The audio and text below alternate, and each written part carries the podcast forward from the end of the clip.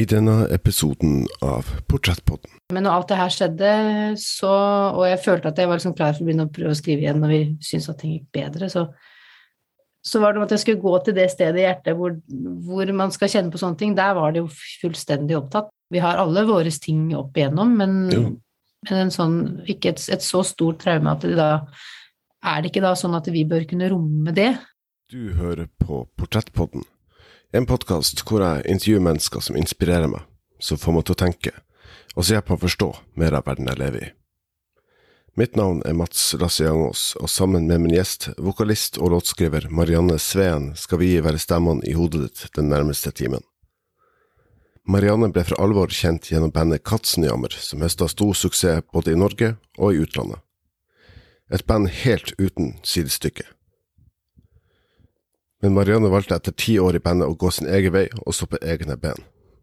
En avgjørelse hun ikke har angret på, sjøl om hun ikke har noe vondt å si om tida i bandet, og er åpen for å komme tilbake en dag.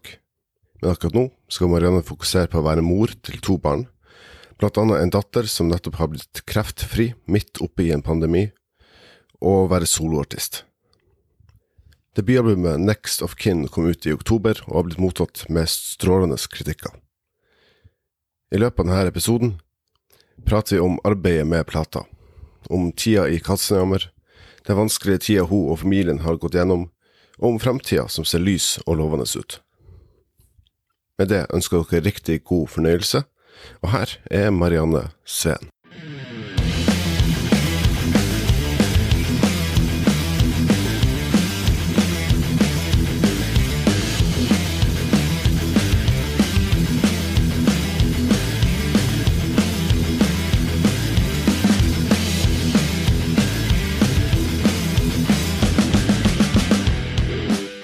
Du hører på Portrettpodden. Jeg er da her med en av Norges eh, desidert beste og sterkeste eh, stemmer, Marianne Sveen. Marianne, hvordan har du det i dag?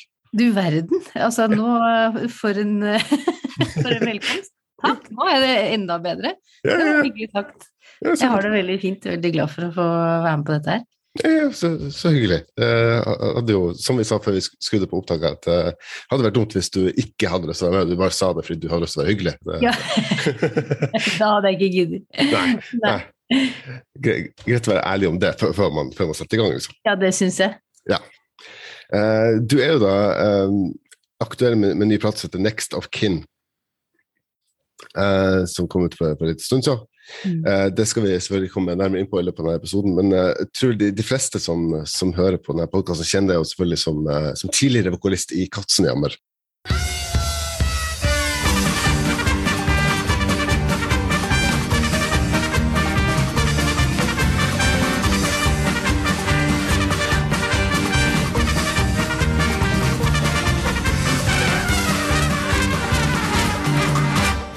Katzenjammer, et av Norges største eksportartikler, foruten olje og altfor dyr fisk, var det ubestridte dronningen av norsk musikk i over et tiår. Et veritabelt englekor av vakre, sylskarpe stemmer, med Anne Marit Bergheim, Solveig Heilo, Turid Jørgensen og Marianne Sveen som utgjorde den originale lineupen. En kombinasjon som blåste fletta av alle som var så heldige å se dem live. Et band som stilsikkert og komfortabelt fant sin nisje, et eller annet sted mellom pop, folk, rock, bluegrass, blues, soul, country og balkanmusikk. De fire medlemmene i bandet veksla på å spille opptil 20 instrumenter, mange av dem nok i litt uvanlige kombinasjoner, som trekkspill som bass balalaika, fløyte, ukulele, banjo, dobra, domro, trompet og melodika. Kort sagt en konsertopplevelse helt utenom det vanlige. Eh, så et av Norges eh, aller største band eh, gjorde det stort både innenlands og også i England og Tyskland, hvor jeg er nå. Og det ble til og med laga program om dere på NRK, til og med. Ja. etter, etter, etter ti, ti, år rundt regna, så, så, så, så takka du av eh, og, og, valgte da å gå videre med, med, egne prosjekter og stå på egne band. Så var, var det innledningsvis eh, litt eh, Kanskje litt stort spørsmål, innledningsvis, men var, var, du, var, du redd for veien videre, eller var du klar for å, for å gå med egne prosjekter? Jeg var veldig redd og veldig klar. Mm. eh, egentlig. Jeg hadde jo Det var ikke noe sånn over natta-avgjørelse. Jeg gikk ganske mange og lange runder på, på det her før jeg, før jeg landa på at det var det som var riktig. Men det var noe med det at jeg gikk eh, flere runder over en ganske lang periode, og jeg endte alltid opp på samme sted at eh, jeg følte liksom at jeg hadde sunget og spilt meg ferdig i Katzenhammer og hadde så mye annen musikk som spilte høyere da, inni meg. Mm. Og da, når den musikken på innsiden er annerledes enn den som er på utsida, så blir det et sånt litt dårlig regnestykke. Ja. Eh, Så da, og så, er det noen gang sånn at jeg også hadde jo liksom starta på en del prosjekter før jeg ble med Katzenheimer. Mm. Og jeg hadde eh, Altså, jeg ville aldri gjort noe annerledes. evig takk, evig takknemlig for at jeg fikk den reisen her. Det er jo noe av det Mm. kuleste som har skjedd meg. Ja. Men så er det en sånn Man har en sånn der indre hva si det, indre grunntone, da, som jeg tror Mm. nok alltid har vært eh, ganske annerledes enn den jeg fikk utløp for der. Der var det mer sånn entertainment og eh, veldig mye gøy, og veldig mye dybde der også, men, men Mm. på en helt annen måte enn en det jeg kanskje satt og, og brant litt for, og brant litt inne med. Mm. Så det har liksom vært et prosjekt jeg har Altså, jeg har ikke neglisjert det i ti år, men jeg har, jeg har sittet og klødd i fingrene egentlig hele tiden, så det var ikke noe det var ikke en vanskelig avgjørelse, men det er jo selvfølgelig dritskummelt å forlate noe som er så trygt og godt og stort, og et, altså som veldig mange andre mennesker også er eh, eh, avhengig av, da. Altså Mm. at du ødelegger for en hel haug, men det ble liksom ikke riktig å, å fortsette heller, da. Altså, Jeg, tenker i, mitt eget eh, lille sinn altså, Man kunne jo sikkert ha fortsatt i ti år til, men hvis det går på bekostning av egen kunstnerisk integritet, så er det ikke verdt det. Ja, det er akkurat det, og jeg tror nok man kan eh, det, ja, det ble liksom en sånn, kanskje en sånn korsvei hvor jeg tenkte at nå For det gikk jo veldig bra, det var Mm. virkelig oppe og gikk, og vi, vi levde godt av det, på en måte, men, jeg, men det ble liksom, jeg ble spist opp litt på innsiden likevel, og da, da har det ikke så mye å si hvor bra det går, hvis ikke du du trives, og det er ikke nok ikke så uvanlig å slutte i ti år, etter ti år i en jobb heller, hvilken som helst slags, eh, slags jobb. Og så tenkte jeg også at det var litt kult å gi seg mens leken var god, da. Mm. Og gå ut med, med gode minner, og vi gikk virkelig ut liksom, med flagget til topps, og vi spilte utsolgte turneer, mange, mange tusen mennesker som kom. Det var jo mye større enn folk aner her hjemme. Ja. Eller eh, her eller der, i hvert fall. Spesielt i Norge, da. Så nei, men så, så det føltes liksom Jeg følte at jeg hadde verdigheten beholdt når jeg, sa tusen takk for nå. Mm. Uh, Og ønsker jo de andre all verdens lykke videre, og de har jo så mye talent alle sammen at det er ikke noe, Ja. det er ikke noe i veien for at de skal gjøre stor suksess alle sammen. Det, det, det er jo ikke alle som, som er like heldige som måte kan, kan gå ut på topp. De, eh, altså, Nei, sant? Ja. Ja. mange som kanskje skulle, gitt seg mye, mye tidligere, som, alle, som fortsatt er på avskjedsturné, eh, Ja, uten å nevne ja. navn, selvfølgelig. ja, det ene etter den andre. Nei, whatever floats your boat, tenker jeg. liksom. Så Ja. lenge du er lykkelig og du kan stå inne for det du gjør, så, så er det jo liksom det meste mulig, da. Men eh, Mm. jeg tror nok at med en eh, Hadde jeg fått prøvd ut den musikken jeg nå endelig har bare fått fokusere 100% på for lenge siden, så kanskje Kanskje ikke behovet hadde vært like stort, men det er noe med at når du brenner så mye for noe, så gjør det det går ikke an å gjøre det med én hånd, på en måte. Nei. Måtte slippe alt annet og så fokusere fullt på det. Og det, det har jeg heller ikke angra på, altså. Jeg har ikke Nei. det. Nevnte også du, altså det, I kassen så ble du ble mest sånn eh, entertainer og, og uh, my, mye skriking og høye toner. og det er egentlig ikke det, men eh, det er- det er en måte å synge på, da. Um, Ja. Men eh, ser du sjøl mer på eh, mer, mer som uh, sanger-låtskriver enn på at du har entertainer, entertainer på andre sida? Hvor, Ja. hvor ligger du da i, i det spekteret? Å ja, det, det er liksom Det også er jo en sånn um, konsekvens av de valgene man tar, da, og spesielt kanskje i musikkbransjen. Hvis du først velger deg én ting, så vil veldig mange se deg som det for evig og alltid. Ja. Eh, og jeg er jo selvfølgelig en vokalist, og mm, stemmen min er jo hovedinstrumentet mitt, mye mm. mer fremfor alle andre instrumentene jeg har fått lov å leke med. men mm. men aller, aller størst føler jeg liksom kanskje eh, Hva kall det komponisten, da? Eller Mm. låtskriveren, eller arrangøren er jo absolutt den det er da jeg havner i sånn slags zen-flyt-område. Da er det ikke så farlig om det er jeg som synger, men bare den musikken jeg føler skjer, får komme ut.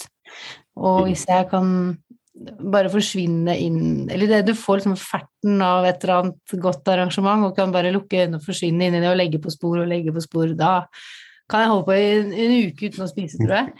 Eh, og jeg tror nok at det er eh, Altså hvis man skal knytte identiteten sin til noe, så føler jeg nok at det er absolutt den aller største delen. Og så er den, den som kan synge høyt og morsomt og, og være litt sånn grensesprengende på scenen, det er jo en veldig, veldig liten del av meg. Men det er en Mm. også. Men den, den, jeg, jeg opplever den som en mindre del enn kanskje andre gjør, da. Ja. For jeg ikke har sett så mye annet. Nei, Nei. Du nevnte i, i et uh, annet intervju som jeg hørte når jeg gjorde, gjorde research, at uh, Mulig jeg sånn, paraphraser litt der, da, men at, at du ser ofte for deg arrangementet og melodier før, før nødvendigvis teksten kommer. Ja, nesten alltid. Mm. Og det er nok også Det er ofte heller sånn at det, arrangementet og melodien er- De kan nesten heller vise meg litt hva det skal handle om, på en måte. Eh, noen ganger så tar det veldig lang tid før teksten kommer, og da eh, Da må jeg kanskje liksom stoppe opp litt, for da plutselig merker jeg at jeg sitter her og lager noe instrumentalt nå, liksom. Ja. Men så synger jeg jo ofte, når jeg lager melodi, så synger jeg ofte på fonetikk, sånn at man har en slags sånn tulletekst i hodet. Mm. Og da merker jeg at jeg gifter meg litt med fonetikken i det. At hvis vokalene er sånn, så så må jeg prøve å finne noen ord som passer, da. Ja.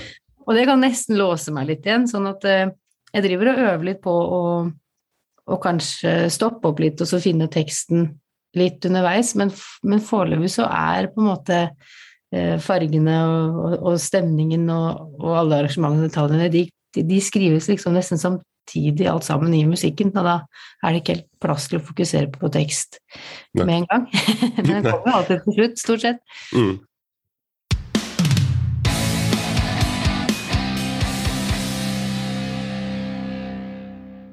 Er så- mange av låtene i Kattstemmer er også skrevet av min, min navnebror Mats. Ja. Uh, hvordan er det da når du prøver å bevege oss litt, litt langsomt inn på Next Up Kin, så hvordan er det da å, å stå he, helt ansvarlig sjøl for å skrive egne låter og arrangementer og sånt? Det er 100 eh, veldig fint, og selvfølgelig og tilsvarende skremmende, for det er på en måte, du kan ikke skylde på noen andre hvis folk syns det er dritt, da. Eller, man da.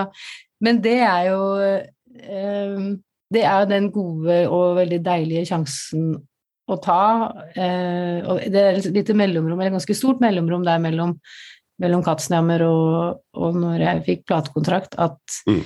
jeg ikke Altså, jeg fikk ikke napp noe særlig sted.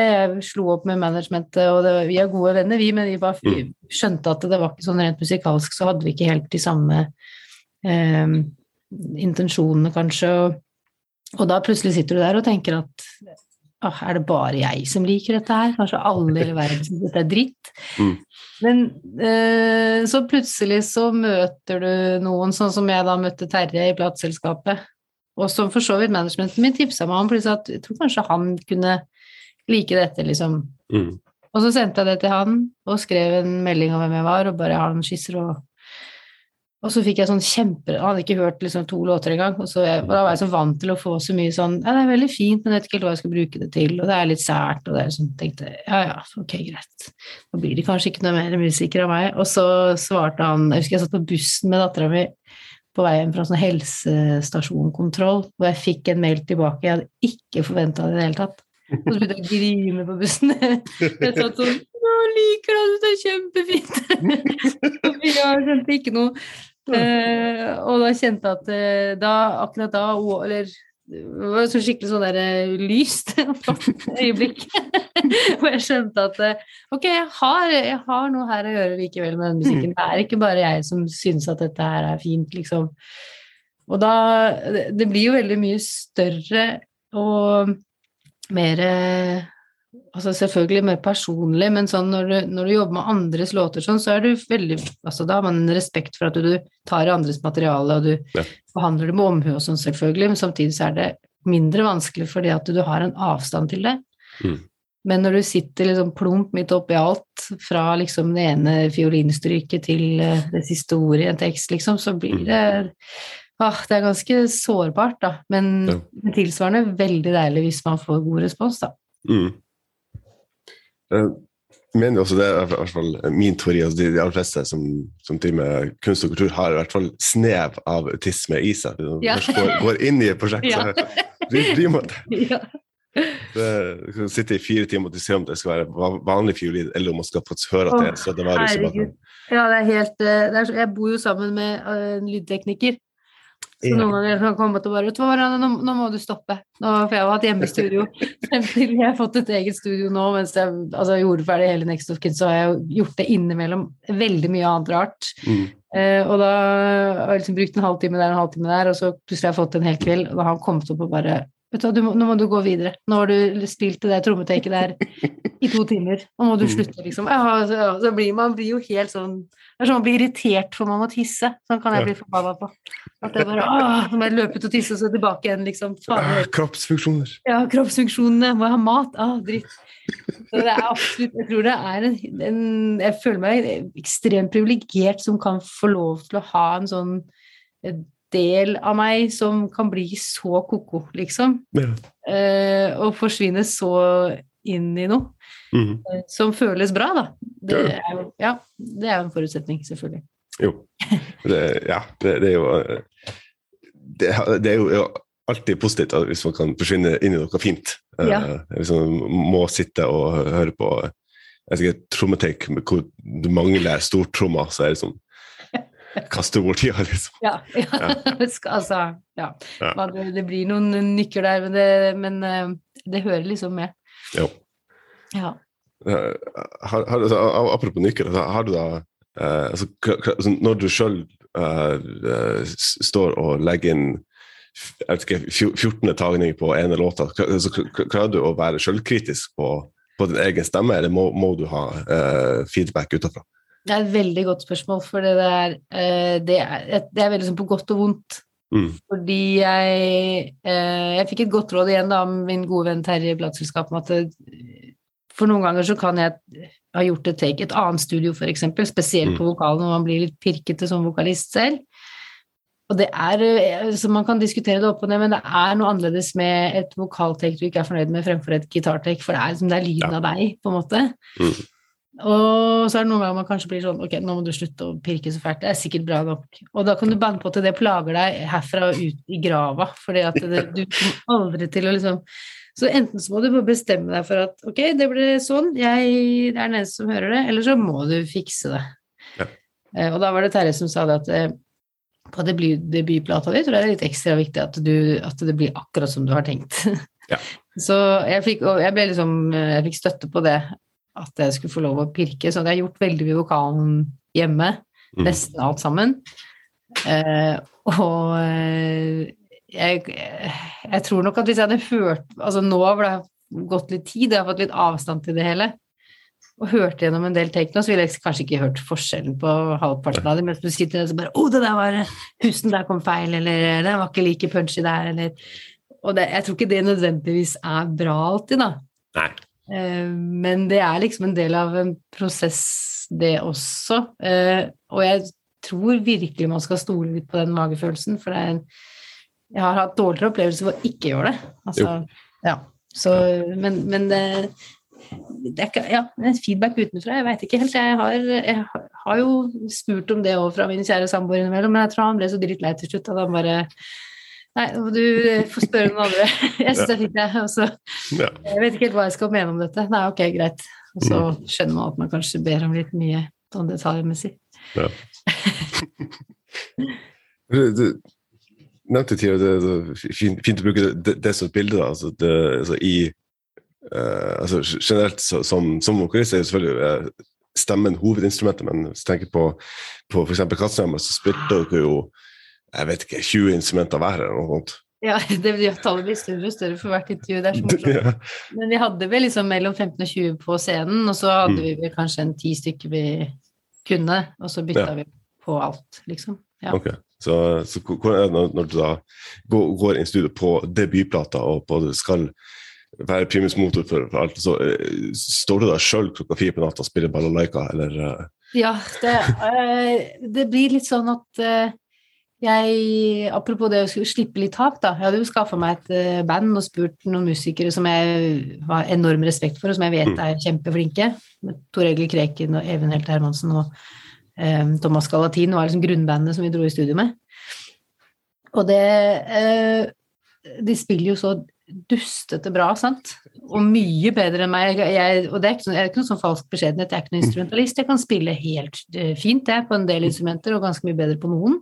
Uh, og så er, er, de eksperter på sine få instrumenter, sånn at mm. det tenkte jeg at det var litt sånn godt å kunne hvile seg litt på det. Men så skjedde faktisk det at når jeg kom hjem fra Halden, da, og var dødsfornøyd med, med, alt, egentlig, men så fikk jeg hørt litt på det, og så kjente jeg at det her er for fint, eller det er for bra. Og jeg hører at, eh, jeg hører at det ikke er jeg som spiller det, og jeg hører at mm. eh, For jeg spilte jo noe av det, eh, altså jeg spilte jo med de, liksom, men jeg mangla liksom lyden av mye av det som jeg følte at jeg klarte å skape på de demoene, da, som var ofte er liksom utgangspunktet, og det er jo en sånn egen greie, det at du skal på en måte divorce dem også, på en måte før du går i studio. Men det er jeg ikke helt enig i det.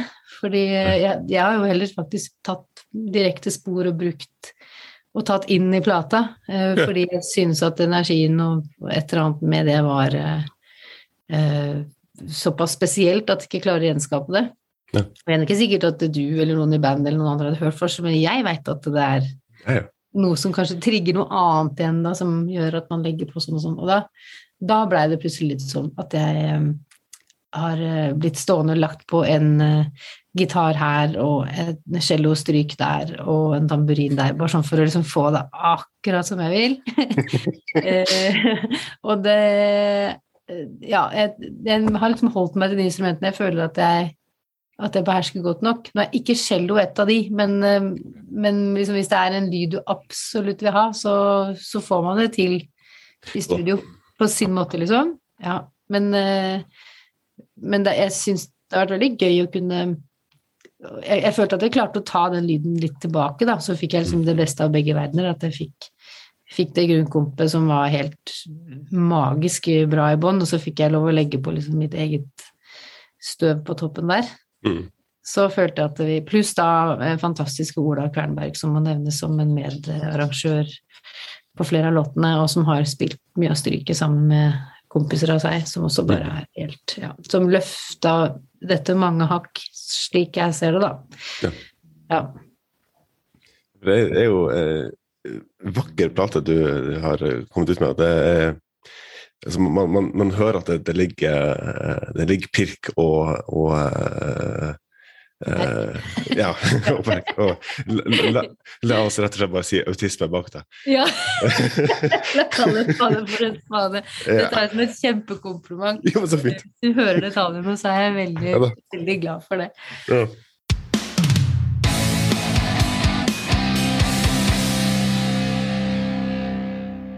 Kan jo være greit når vi er allerede nesten er 20 minutter ute i intervjuet og faktisk prater om plata som ja. konkret.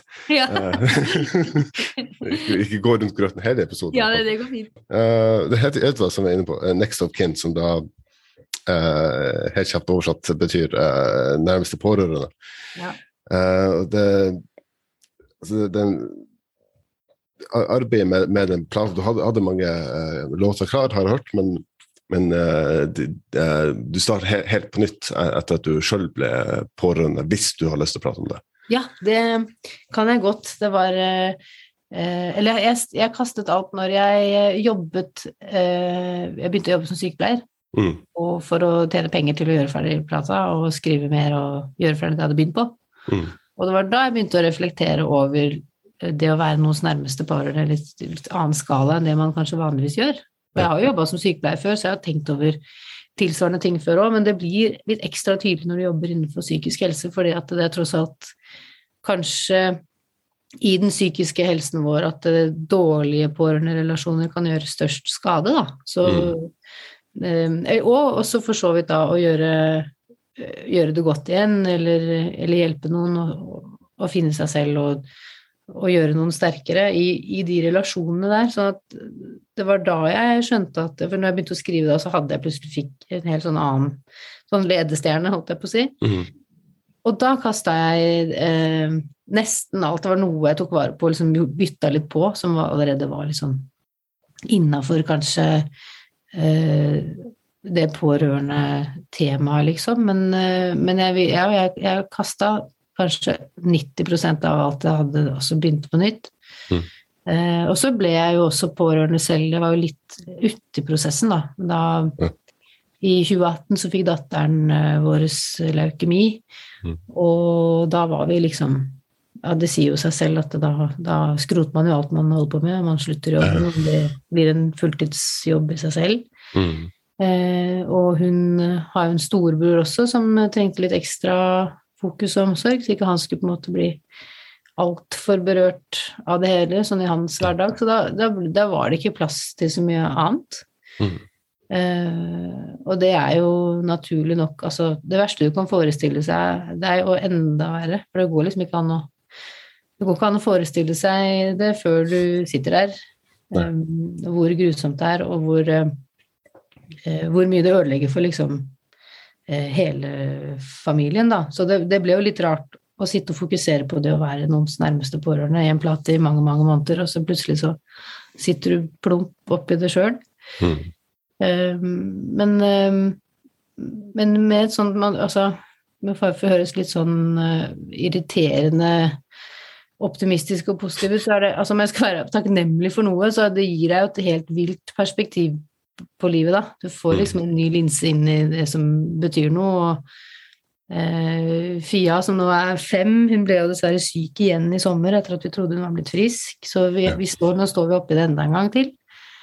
Eh, etter at jeg, Så jeg slapp plata dagen etter hun fikk immunterapi. Da hun fikk immunterapi 14.10. 15.10 slapp jeg liksom plata som handler om å være nærmeste pårørende. Og igjen, altså, plutselig så virker det bare som en sånn dråpe i havet. Altså helt mm. ubetydelig Samtidig som det var litt viktig å gjøre det òg, for han hadde utsatt det så mange ganger. Ja. Eh, så, så jeg, Men jeg, jeg, kjenner at jeg liksom har um, jeg har klart å holde fokuset der Eller jeg har den følelsen i hvert fall nå at jeg har klart å holde fokuset der jeg burde ha det, samtidig som jeg har tillatt meg å ta noen pauser da, og jobbe litt med den musikken sånn på siden. Mm. Eh, men det var nesten umulig sånn i første runde der. Da er det, det Når man skriver om sånn litt vanskelige ting som denne plata jo handler om, sånn Alt ifra omsorgssvikt og overgrep til selvskading, liksom. Det er jo, det er jo ikke lystige temaer på denne plata. Eh, selv om ikke det nødvendigvis er så ordrett, så er det jo eh, Og mobbing Altså det er store, vonde temaer, og for å mm. skrive gode tekster om det, så må du gå liksom til et sted i hjertet hvor det, eh, hvor det gjør litt vondt, da. Eller å, og, å, hente frem litt bilder, og liksom, og du tenker på de samtalene du har hatt, og og det gjorde jeg jo da mens jeg jobba som sykepleier. Mm. Eh, men når alt det her skjedde, så, og jeg følte at jeg var liksom klar for å begynne å prøve å skrive igjen når vi syntes at ting gikk bedre, så, så var det om at jeg skulle gå til det stedet i hjertet hvor, hvor, man skal kjenne på sånne ting. Der var det jo fullstendig opptatt. Der var det jo helt lurt av andre ting. Og det var helt sånn merkelig følelse at eh, nei, er, jeg har ikke plass til å tenke på noen andre, eller kjenne på andres smerte, eller så det, måtte, det, det, det, tok litt tid før jeg skjønte at jeg måtte liksom skrive det ut, da. Så jeg mm. skrev jeg liksom den ene låta om, om, Fia som er på plata, fordi den skulle jo på ingen måte handle om meg. Det var jo jeg var ganske tydelig på. at det skulle være sanger fra mitt perspektiv utenfra. Men eh, det var, liksom, det var umulig å unngå når man satt så eh, opp til øra i det sjøl, liksom. Mm. Og da jeg fikk ut den, eller som fikk skrevet ut Jeg var ikke sikker på om jeg skulle ha den med, eller noen ting, men den måtte bare skrives ut. Og når jeg gjorde det, så var det akkurat som at det ble litt ryddigere. ja. og mer eh, plass. Og så har det gått bedre og bedre, og så har jeg kunnet skrive Fikk jeg skrevet og gjort ferdige ting, da, og fått brukt mm. lang tid på å gjøre det. Eh, så nå, nå er vi jo der hvor vi eh, hun har fått en veldig sånn rar, eller veldig, veldig spesiell behandling. Eh, som går på immunterapi, som da istedenfor to og et halvt år med cellegift tok ti minutter, og som foreløpig virker kjempebra. Så akkurat nå er hun kreftfri, og så må vi bare håpe at det holder seg sånn. Ja. Ja, så, ikke sant? Bank i alt som er. Mhm. Eh, og man kan tillate seg å gjøre sånne hyggelige podkastintervjuer og sånne ting. Oppi det hele igjen. Og løfte huet litt fra tåka. Ja. Det føles egentlig bare veldig, veldig sunt og bra.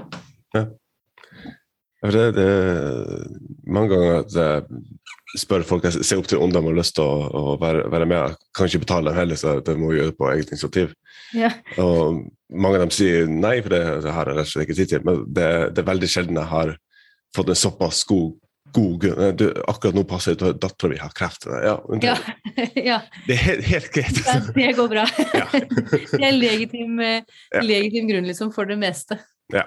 Ja, nei, det er, eh, og vi er blitt så vant til å si det, så vi prøver liksom ikke skremme vettet av folk. Det er sånn, nei, du forstår det at eh, Og du ser alle får den samme reaksjonen. Og, det, og så har vi blitt enige om at vi kan ikke liksom ta hensyn til det, så vi har bare nå, Vi må si det som det er. Og så, øh, og så er det noe Og det er det ganske mange som har det sånn òg. Det er litt Mm. viktig at det er noen som lever med noen med alvorlig sykdom. Ganske mange som gjør. Ja. Men det er, ikke en, det er ikke en del av det store verdensbildet vårt, annet enn det du kan på en måte scrolle vekk. Du hører om ting, og så kan du scrolle det vekk. Så, men det, ja. Nei, det, det går an å leve med det òg. Man må bare Mm. Ja. ta en dag av gangen, som det heter. Ja. Um, Man må også tåle å tåle mer. Man må tåle å se mer lidelse i verden. Ja, det syns jeg. Ja. Virkelig. At eh, vi er blitt for gode på å velge det vekk. Og det er helt naturlig at vi gjør det. Men, eh, men, det, men det gjør vi. Mm. Ja. Next of Kin er et konseptuelt album der historien står i sentrum, formidla av Mariannes grenseløse stemme, akkompagnert av et hovedsakelig akustisk lydbilde, der det symfoniske og det filmatiske underbygger stemninga i de ulike historiene, kan en anmeldelse fortelle oss.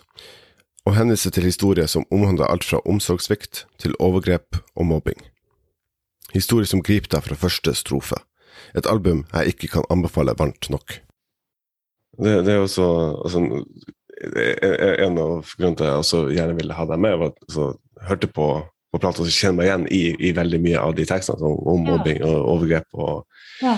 Uh, så det, det, det traff veldig altså, Van- Vanligvis bruker jeg veldig lang tid på å bearbeide uh, låta før jeg ordentlig kan, kan skjønne hva det handler om, men Ja. det kom ganske fort. Så det, eh, det, det, det gjorde eh, veldig eh, sterkt inntrykk. Men hvor- hvor- hvordan er det da eh, når du da eventuelt får irriterende spørsmål fra journalister eller får anmeldelser på, på plata? Hvordan er det å stå i det du står i, og fortsatt skulle gi saklige eh, svar om, om hva låta handler om, hva er hemmeligheten bak lå- låtskrivingen? Ja. Men vet du hva, det er eh, det er ikke irriterende i det hele tatt. Eh, Jeg er så takknemlig for hver eneste en som har hørt på plata, om det så bare er en eneste gang. Mm. Uh, og så er det nå engang sånn at uh, det er mange om beinet for å få publisitet rundt en utgivelse, så jeg var, jeg var forberedt på at det ikke skulle bli noe særlig oppmerksomhet i det hele tatt. Mm. Men jeg syns de intervjuene jeg har gjort, har vært eh, alle som en veldig gode og veldig grundige. Og, og jeg syns det er fint at man tør å tillate seg å spørre om, sånn som du også gjør nå, at vil du kunne tenke deg å snakke litt om, om det med FIA, eller hvordan Mm. er det med det med psykisk helse? At man klarer å eh, For det er jo en litt konseptuell plate. Mm. Eller ikke litt heller, det er, det er jo det i, i høyeste grad. Ja. Og jeg syns nok at eh, eh, en av grunnene til at jeg ville skrive den sånn, er jo nettopp det vi akkurat sa, at jeg synes vi har blitt for gode til å, å ignorere og tåle andres eh, lidelser. Fordi altså, det er så mye av den. Det pepres mot oss eh, gjennom den telefonen eller hva det er daglig, eh, og vi kan ikke ta alt inn, men jeg tror vi noen ganger er litt for kjapt ute til å si det òg, da. At eh, Mm. nei, jeg kan ikke ta alt inn, for det har ikke jeg plass til. Og hvis du sier det mange nok ganger, så, så blir det jo Da blir du ikke empatisk til slutt. Um, og da, det tenkte jeg litt når jeg skrev disse tekstene, at uh, ok, skal jeg skrive en sang som handler om overgrep, uh, og det er ganske sånn direkte fra én historie, men skrevet om selvfølgelig altså er, jeg, ikke, jeg gjengir jo selvfølgelig ikke enkelte pasienter og sånne ting, men, men det er nå engang sånn at det er ganske mange historier som ligner. Eh, og, og, og, de samme tingene som går igjen, og da har jeg kanskje klart å konkretisere det litt. Altså flere historier inn til, til én, da, på en måte. Og, og eksempel om det med overgrep, hvor du virkelig blir sviktet av de som skal passe på deg.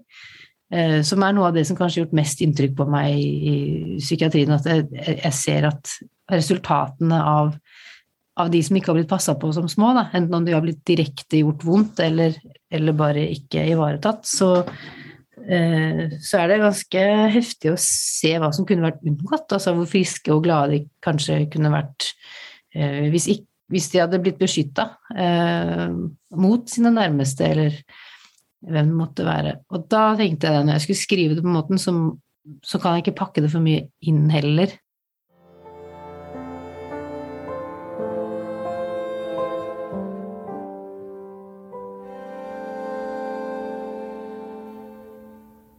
Under here, where I'm supposed to stay, is where I solve the world. It is where I saw the world. under here where I'm supposed to be quiet. It is where I sing the loudest, knowing I'll never be heard. The size matter.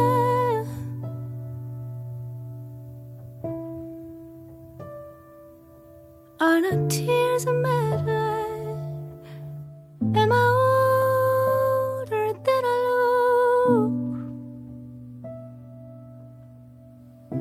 Tekstene eh, der har jeg sparra litt med flere. litt sånn, dette, Blir dette med all respekt å melde litt sånn Vibeke Løkkeberg, eller sånn at blir det litt sånn at jeg provoserer for å provosere? For det, det, vil jeg ikke med denne. Det er ikke noe galt i det, men det, det vil jeg ikke med denne plata. For jeg vil at folk skal orke å høre det også. Mm. Samtidig som det ikke eh, gjøres for eh, innpakket. Så det var, eh, var ganske sånn eh, Ja, jeg følte meg veldig frem på Eh, den balansen der i den skriveprosessen.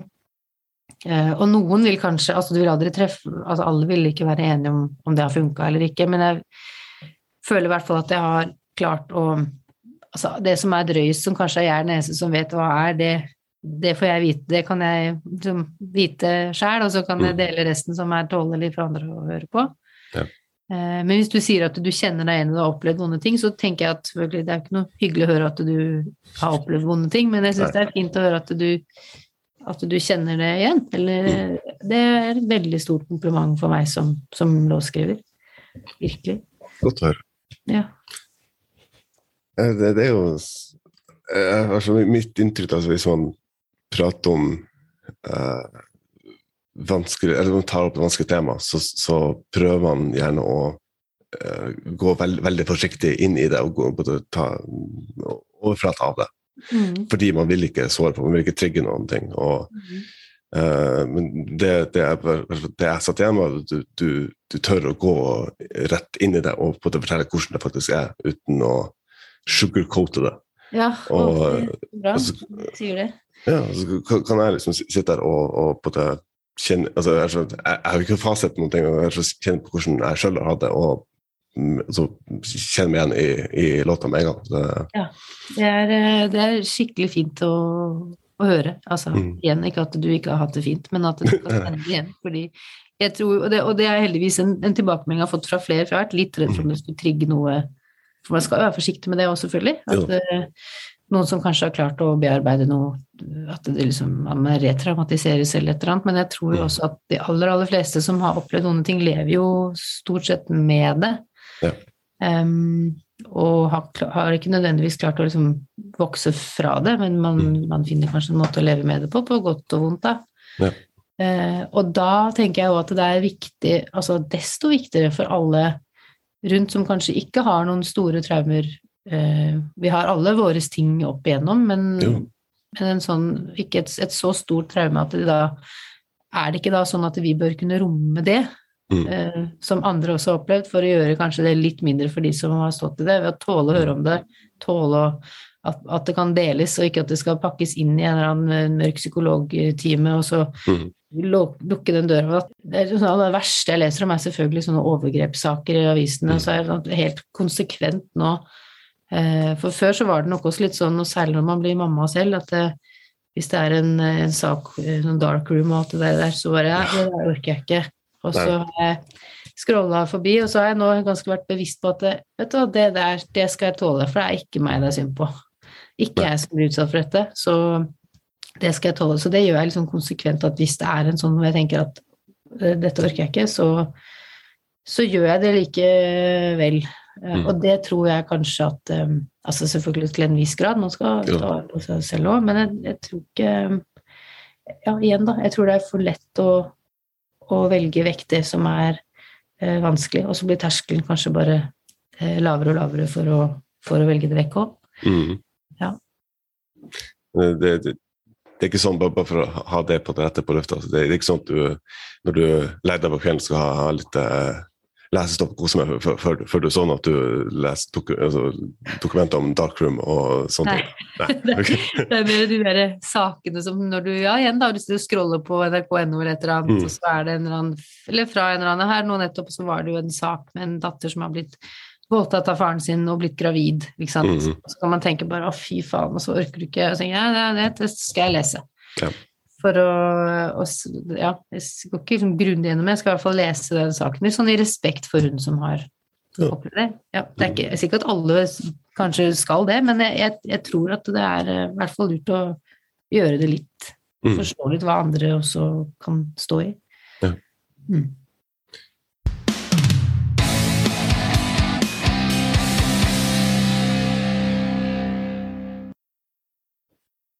Og det, det bringer også ve veldig fint over, over til neste uh, tema. Ten, Det, det er ofte, tror jeg, bare vanskelig å, å sette seg inn i det, det andre går gjennom uten å på en måte kjenne deg personlig. Um, Så jeg kj- kj- kjenner jo også når, når, uh, når, når vi først prater om at du skal være med, at du får eh, ja, Dattera mi har kreft. Det, det, det gjør jo selvfølgelig inntrykk, selv om jeg, selv om jeg ikke jeg kjenner deg personlig.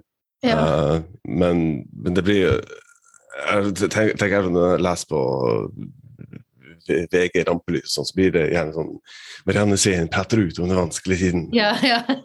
Så det, det blir sånn fokus på at ja, nå skal jeg prate om det fordi jeg tilfeldigvis har en plate jeg skal ut med. ja. Altså, det blir ikke helt fokus på det. Men eh, tilbake til at kan, kanskje folk ikke har så veldig mye forståelse for det, er jo at vi ser, i hvert fall i, i, i Norge mest av alt, at det, det, er- folk begynner å bli litt, litt lei av restriksjoner og eh, nedstengninger og, og Mm. enmeteren og sånt.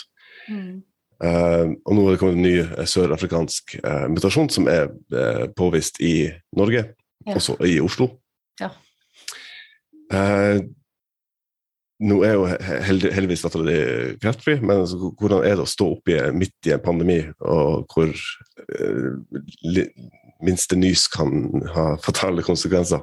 Det er altså nesten Det grenser til det komiske, fordi Mm. når, når hun da hadde den første behandlingen, som da som sagt var to og et halvt år, da, Mm. fra 2018 Den er, liksom, den er delt opp i noen sånne faser hvor de første fasene er veldig, veldig alvorlige, og hvor hun var dritdårlig og nesten ikke overlevde, bare fordi Mm. behandlingen var så tøff. Eh, så når du kommer deg liksom gjennom den fasen, hvor du tar kreften vekk, så skal du gjøre noe som heter vedlikehold. Det er det første liksom vedlikehold én, da er du inne for kur, men du, er, du bor hjemme, og det Du rekker liksom Hun skal komme seg. Hun holdes, Mm. immunforsvaret holdes nede. Eh, og så på vedlikehold to, som er liksom det siste året av behandlingen, da, etter å ha vært gjennom ett og et halvt år allerede, da skal du få lov Du går fortsatt på cellegift, vi gir cellegift hjemme. Mm. Eh, sånn eh, peroral, altså eh, sånn miksturcellegift Mm. hver dag, pluss et par andre medisiner. Og da skal immunforsvaret på en måte få lov å slippe opp litt mer, sånn at hun kan, kunne få lov å begynne i barnehage, vi kunne ta bussen, vi kunne Mm. kanskje dra på kino, skulle begynne, begynne forsiktig da. Og da har hun ikke vært i barnehage på ett og et halvt år, um, og savner vennene sine, sant. Mm. Og barnehagen er rett borti veien, så de går jo forbi huset vårt hele tida. Ja. Eh, hun sitter har sittet og vinka gjennom vinduet der, så skal vi endelig begynne i barnehage. Vi skal også endelig da, altså misforstå meg rett, få litt avlastning, da. Være litt hjemme. Så går det én uke, og så kommer korona. og så stenger barnehagene. Jeg tenker bare hva, hva er dette her, liksom? Er det Går det an? Eh, og da, da, var det liksom som å nesten få liksom kreft på nytt, eller jeg vet ikke. Mm. Og når vi da visste så lite om pandemi nå, så var jo vi var redde, altså vi tenkte nesten at hvis hun bare kommer borti en eller annen med korona, så kommer hun til å stryke med. Men så mm. var det jo heldigvis ikke sånn. Men de første ukene så ante vi jo ingenting. Og da var vi ganske frustrerte for at folk var sånn der Nei, jeg gidder ikke sitte hjemme, jeg gidder ikke bruke munnbind, gidder ikke Var sure for ikke kunne dra på hytta, liksom. Eh, så, så, men så er det på en annen side, så begynte folk å leve litt sånn som vi har gjort allerede i ett og et halvt år, da. Mm. Og sprite hender og ikke kunne gå i butikken og ikke kunne gå på kjøpesenter, for jeg hadde ikke kunnet gjøre med Så på en måte så ble det bare en forlengelse av det vi allerede drev med. Mm. På en annen måte at folk egentlig bare tok enda mer hensyn. Eller når ja. alle begynte å liksom Så da men, men, det var Det ble som sagt nesten komisk, hvor vi bare tenkte sånn Hva er det? Skal da for fader ikke gå an? Mm. Eh, og det er nesten litt det samme igjen nå, faktisk, for nå er det liksom Nå er hun jo da for andre gang kreftfri. Mm. Eh, vi feira i, i, april at hun var frisk, og så ble hun igjen i juli. Ja. Og så fikk vi denne veldig, veldig spennende terapien som hun har fått, og er kreftfri nå. Og tenker at nå skal vi begynne å slippe opp litt igjen. Og så kommer det et fuckings sånn Transformers-virus som eh, ja. Kaller det liksom omikron i tillegg. Jeg bare, er det for å skremme vettet av oss, liksom? Jeg ser for meg sånn der uh, ja, jeg ser for meg sånn Transformers-virus. Uh, mm. Herregud. Han går liksom litt inn i en sånn derre Jeg føler det går i en sånn derre stillstand, en slags dvale. Mm. At jeg tenker at jeg, Altså dette kan vi jo, liksom. Det er noe dritt. Det er kjipt. Men jeg har ikke rukket å jeg, klarer ikke helt å ta, ta stilling til det. Og så syns jeg folk liksom gavler om veldig mye sånn Altså, julebord, ja da, det er kjipt at ikke vi får gått på julebord, jeg er enig i det, men det, det fins verre ting. Det tenker Som for eksempel at uh, det er en halv verden der som ikke har fått vaksiner i det hele tatt. Og uh, antagelig så skal vi leve med dette her de neste fem-ti årene. Kan jeg se for meg. Det, ja, og da men, men, det er lov å bli lei og frustrert. Jeg, jeg er det, jeg òg. Uh, ordentlig lei. Men, men ja. Man har en tendens til å liksom tenke på, på, de som har det enda verre, da. Mm. Og det Ja, sånn blir det litt Det gjorde vi når Fia var syk og mye, at det er faktisk de som har det enda verre enn dette. Ja. Sånn der overlevelsesstrategi, kanskje. Men, mm. men jeg syns det er trist at Eh, altså helt sånn uavhengig av om det er en pandemi eller hva det er. Liksom, det er trist at man ikke får vært sammen, og det er trist at man ikke får gjort de tingene som man gjør når man vanligvis er utafor og lei seg. Altså Man kan ikke stikke ut og gå på en konsert eller se en film eller ta en middag eller er ting som gjør at vi ofte blir glad igjen, da. Mm. Det kan man ikke gjøre. Så jeg syns ikke det er så rart at folk er litt deppa. Det, det skjønner jeg veldig, veldig godt. Jo. Jeg må jo si at jeg satt der i, i Tyskland, det var jo selvfølgelig ikke, ikke synd om i det hele tatt. Jeg sitter med, med, restriksjoner og munnbind og kan, kan ikke gå noen plass uten uh, bevis på at du er vaksinert. Mi, Nei, for nå er det stengt, sant? Nå er det, nå er, nå er det stengt. Uh, sjappa er stengt på ubestemt tid, mer, mer eller mindre. Rett og slett. Ja. Uh, og når jeg sitter på, på Dagsrevyen fra Norge, og det er 'Nå åpner Norge', og det er 17. mai i gaten, og folk danser ja, naken det, Ja. Få se hvor lenge det varer. ja, skal vi se. Er det jeg tenkte også det ene innslaget hvor det var Og da kjente jeg bare å, oh, jeez. Altså, når du har de som er dritings bak kamera og sånn Det var en russefest blant alle aldre, og ja. jeg, jeg, skjønner at folk eh, men, men, allikevel så, men så skjønner jeg det ikke helt likevel.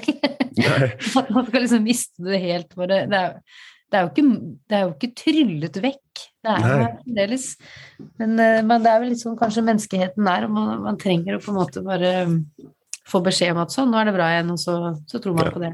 Jo. I noen tilfeller trenger vi mennesker en boost for å komme over kneika og samle ny energi, mens andre ganger trenger man rett og slett en boosterdose med Moderna. Skal, skal selvfølgelig ikke henge ut noen, men altså når når uh, bildet på en feilslått strategi blir Abid Raja med slipset på panna, ja. så blir Ja. Verden, eh, ja, si, verden er jo, er jo litt opp ned fremdeles. Jo da. Ja. Ja. Det kan man trygt si. ja. uh, når, når da eh, samfunnet en gang åpner opp på, på litt lengre sikt, da, Ja. Det er endelig lov å dra ut på turné og fylle konsertsaler og, og sånt, ja. eh, hvordan blir det å eh, spille plater for, foran, foran publikum igjen og få den, den til, direkte tilbakemeldinga?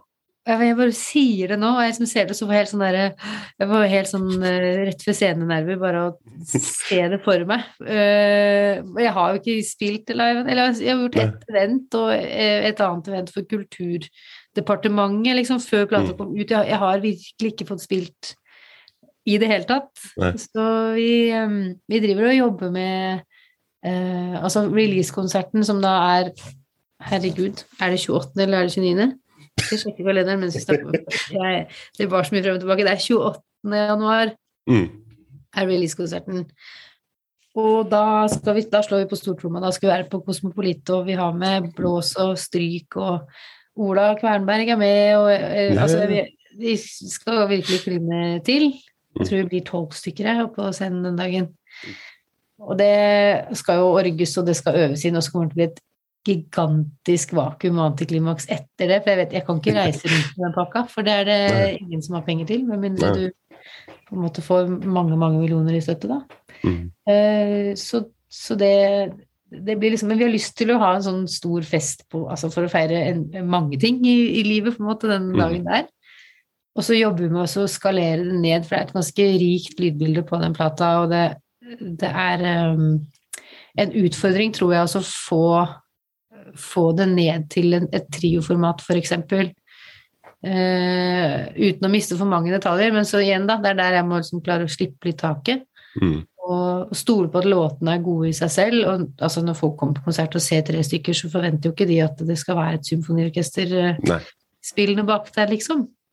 Så, det, så nå jobber vi litt med det. Jeg har med foreløpig en cellist og en elgitarist og meg selv, som blir Og det blir litt overraska hvor mye vi tre klarer å få til, faktisk.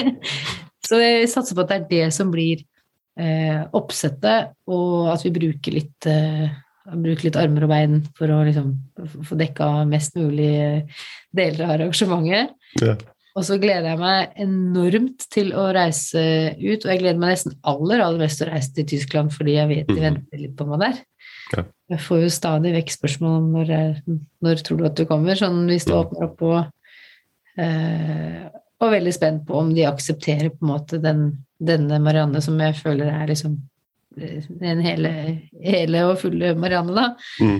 Eh, og jeg skal bruke stemmen min, og det skal ikke stå på det, men jeg kjenner at jeg, jeg gleder meg skikkelig til å, til å reise ut og møte, altså se ansiktene når du spiller. Er, det kan ikke det kan ikke måles med noen ting. Eh, Og den der energien som oppstår mellom, mellom de som hører på, og deg som forteller, det er, liksom, det er en eh, ja, Det er ikke som at man spiller for, liksom, føler jeg. Men man spiller nesten mer med, eller ja, det høres Mm. litt eh, Kanskje litt vel lilla ut å si, men jeg bare kjenner at jeg savner den der interaksjonen der, da.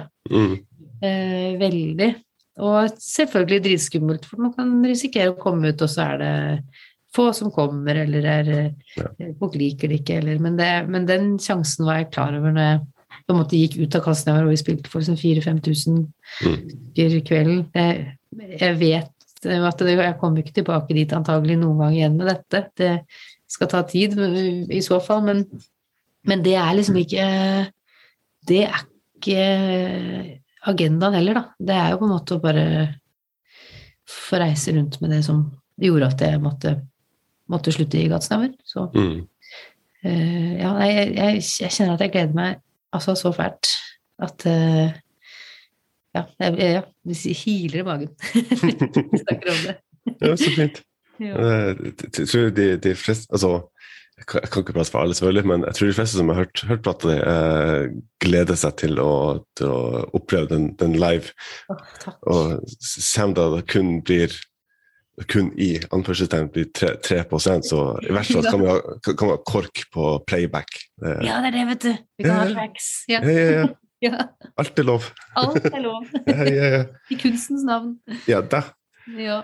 Um, så klokka går fortere. Vi skal snart begynne å avslutte, men prøve å ta litt, uh, litt mer så, uh, lettbeinte spørsmål til slutt. Ikke, Ja. ikke nødt til å prate om vanskelige ting hele tida. Det det er et spørsmål som, som jeg tror alle, alle som hører på, lurer på, som er mer eller mindre forplikta til å spørre om. Ja. Er, er du med i Maskorama? Til mitt forsvar, og for at både Marianne og jeg skal holde ryggen fri, denne episoden ble spilt inn rundt to uker før finalen i Maskorama, og før Bamsen ble avslørt. Nei, okay. det hadde vært morsomt ja. om jeg var. Ja. Eh, Det er mange som spør hvorfor er det ingen som gjetter på deg. Så sier jeg, nei, det vet jeg ikke. Nei, Nei. men, men nei, jeg er ikke med der. ok. Jeg vil også, hvis du hadde vært med, så hadde du kanskje ikke sagt ja heller. Nei, det hadde jeg vel kanskje heller ikke Nei. gjort. Jeg vet ikke Nei. hvem det skulle vært nå. Nei. Nei, kanskje Jeg har jo mine, mine tanker, og vi ser på dette med familien. Jeg tror jo Mm. eksempel at eh, den eh, bamsen er hun Ingeborg Walter. Ja. Mm. Så kan vi se da om jeg får rett. Ja. Men få se, da!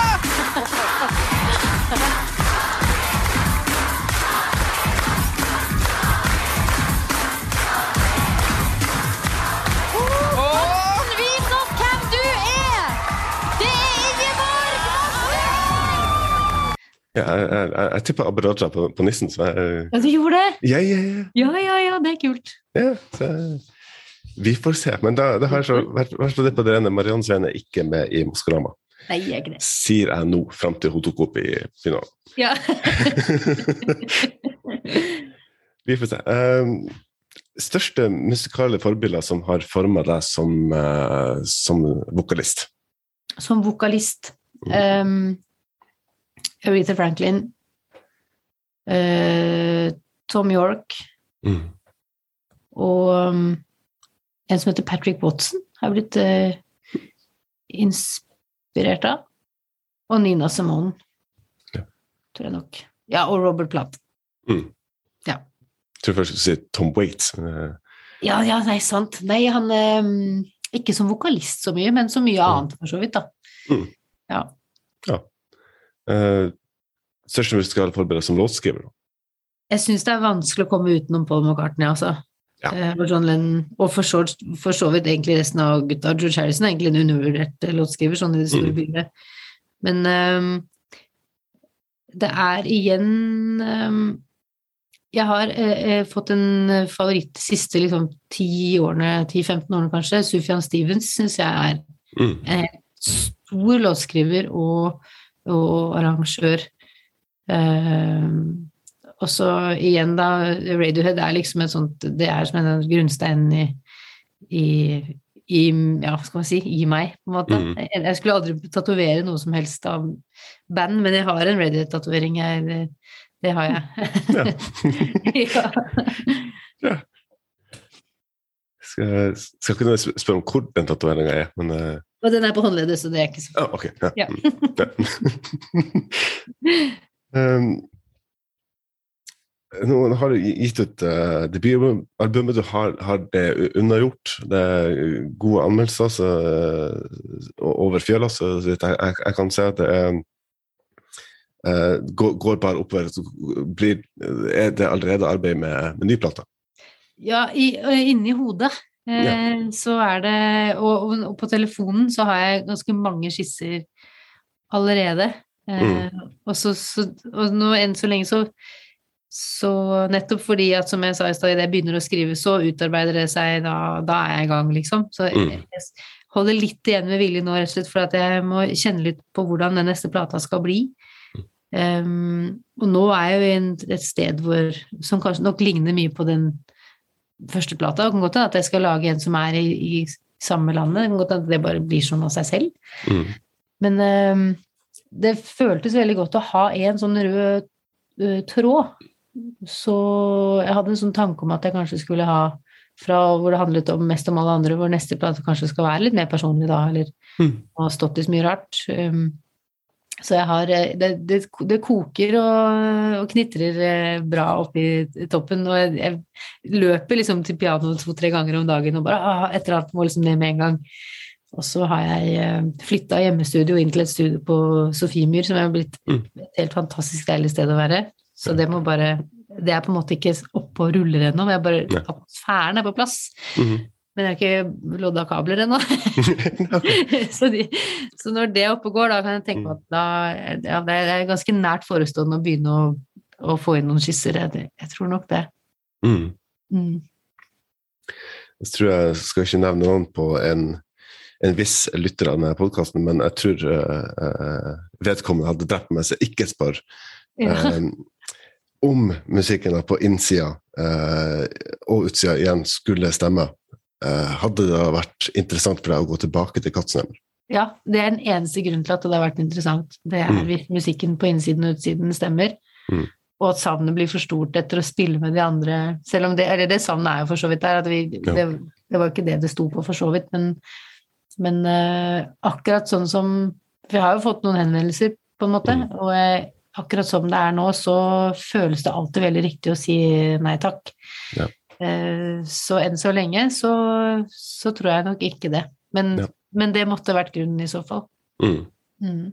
Eh, vel ingen grunn til bekymring for at uh, det skal uh, misforstå meg rett, bli behov for det med det aller første. For det står, står, står, står veld, veldig støtt og stødig på, på egne band som, som vokalist og låtskriver og arrangør og multiinstrumentalist, og uh, lista er lang. Eh, det har vært en sånn fryd eh, å ha, ha deg med i denne episoden av uh, Portrettpodden. og Igjen må jeg uh, takke veldig, veldig mye for at du tok deg tid til å være med. Tusen takk for at du ville ha meg her. Det var kjempehyggelig å snakke med deg. Du har hørt på en episode av Portrettpodden med meg, Mats Lasse og min gjest i denne episoden var vokalist og låtskriver Marianne Sveen. Min takk til Marianne for at hun tok seg tid til å være gjest i denne episoden, og takk til alle dere som har hørt på. Dette var siste episode av Portrettpodden for denne gang. Vi er tilbake med mange nye og spennende gjester over nyttår. Det er mange inspirerende mennesker jeg blir bedre kjent med som jeg gleder meg til å presentere for dere. Mange av navnene kjenner dere fra før, men noen kan kanskje overraske dere. I mellomtida hadde jeg satt veldig pris på om du delte denne episoden på sosiale medier. Tips gjerne en venn eller to om Portrettpodden, og husk å ta vare på hverandre. Alle lydklippene i denne episoden er benytta i henhold til sitatrett. Portrettpodden arbeider i henhold til Vær varsom-plakatens regler for god presseskikk. Takk for at nettopp du hørte på. God jul og godt nyttår, og vi høres snart igjen.